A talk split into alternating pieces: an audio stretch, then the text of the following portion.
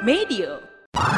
Halo, kamu sedang mendengarkan Kilas Kabar Nusantara. Podcast persembahan KG Radio Network menyajikan berita harian yang mengangkat keunikan dari berbagai wilayah Indonesia.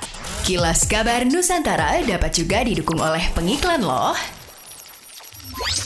Polda Sulawesi Selatan meningkatkan pengawasan pada tahapan pemilu serentak 2024. Hal ini untuk mewaspadai potensi terjadinya isu suku, agama, ras, dan antar golongan atau sara yang dihembuskan kelompok tertentu. Kapolda Sulawesi Selatan Setio Budi Mumpuni Harso mengatakan peluang sara tentu ada. Pihaknya tetap mengedepankan pendekatan humanis kepada masyarakat serta komunikasi dengan para tokoh agama, pemangku kepentingan atau stakeholder dan pemerintah karena tentu berpengaruh mengatasi adanya konflik tersebut. Dia mengungkapkan salah satu upaya mencegah potensi itu terjadi dengan memerintahkan jajarannya mulai dari tingkat Polsek, Polres hingga Polda serta jalinan koordinasi yang baik dengan pemuka agama dan pemerintah daerah. Pihaknya sejauh ini terus memantau tingkat kerawanan di 24 kabupaten kota wilayah Sulawesi Selatan bersama KPU dan Bawaslu daerah guna mencegah terjadinya masalah keamanan saat berlangsungnya tahapan pemilu. Kapolda Sulawesi Selatan Setio Budi Mumpuni Harso menambahkan dinamika kerawanan di tingkat daerah terus dievaluasi. Bersama KPU dan dan Bawaslu sama-sama memetakan sebab hal ini harus diatasi bersama.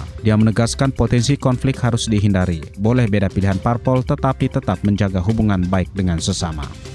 Petugas penyelenggara ibadah haji PPIH Embarkasi Debarkasi Makassar secara khusus menempatkan petugas untuk melayani para jemaah haji lanjut usia lansia. Kepala Bidang Penerimaan Jemaah PPIH Debarkasi Makassar Wahyudin Hakim mengatakan pihaknya telah mengantisipasi dengan mengerahkan sejumlah petugas PPIH dan kendaraan khusus yang menjemput para lansia tersebut di bandar udara. Apalagi tahun ini Embarkasi Makassar memberangkatkan 4.581 jemaah lansia yang membutuhkan perhatian ekstra. Menurut Wahyudin pihaknya siap melayani para jemaah lansia dengan sejumlah sarana pendukung seperti kursi roda dan kendaraan khusus untuk antar jemput. Sebelumnya diberitakan sebanyak 392 jemaah haji kloter pertama debarkasi Makassar tiba di tanah air Rabu 5 Juli 2023. Kedatangan kloter pertama ini mengawali fase pemulangan jemaah haji debarkasi Makassar secara bertahap hingga tanggal 4 Agustus 2023 mendatang. Selanjutnya jemaah haji kloter 2 debarkasi Makassar dari Jeddah, Saudi Arabia juga telah mendarat di Bandar Udara Internasional Sultan Hasanuddin Makassar pukul pukul 3 lewat 35 Kamis dini hari 6